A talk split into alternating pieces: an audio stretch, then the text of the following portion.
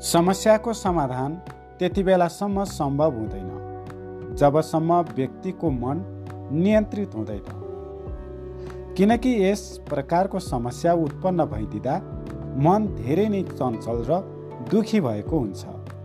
आँखामा निद्रा पर्दैन। कुनै कुरा पनि राम्रो लाग्दैन।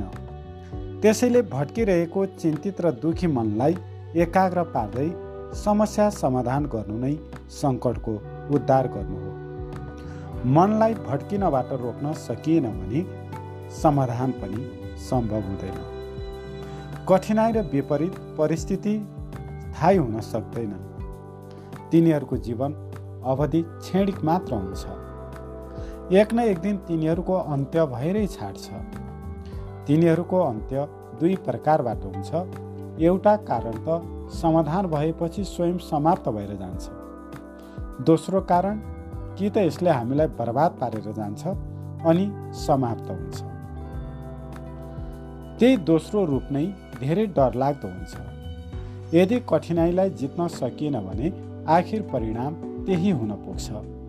त्यसैले समस्या र दुःख परेसानीहरूलाई तपाईँ कहिल्यै पनि अशुभ वा विपत्तिको सूचक नमान्नुहोस्। यस प्रकारको भावना मनमा कहिले आउन नदिनुहोस्। यस प्रकारका भावनाले तपाईँलाई सङ्कट कठिनाइ र विपत्तिमा पार्न सक्छ। तपाईँ तिनीहरूलाई आफ्ना परीक्षक हुन् भन्ने ठान्नुहोस् र तपाईँको योग्यता र क्षमताको जाँच लिने समय आएको रहेछ भन्ने ठान्नुहोस्। प्रगति तपाईँको सामुन्य नै छ। ऊ परीक्षा लिनका लागि उभिएको छ।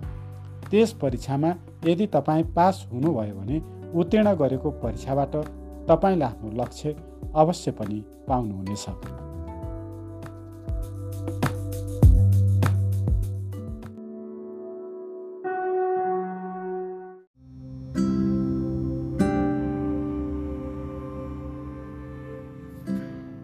यदि हामीलाई पहाडको टाँकुरासम्म पुग्नु छ भने त्यसका लागि हामीले उकालो सिडी चढ्दै जानुपर्छ। पहिले त हामीले मार्ग खोज्नुपर्छ अनि मात्र अघि जान सकिन्छ। भौतिक व्यवहारमा पनि एउटा नियम हुन्छ मानिस आत्मनिर्भर हुनुपर्छ। उसले आफ्नो जीविकाका लागि आफै आर्जन गर्नुपर्छ।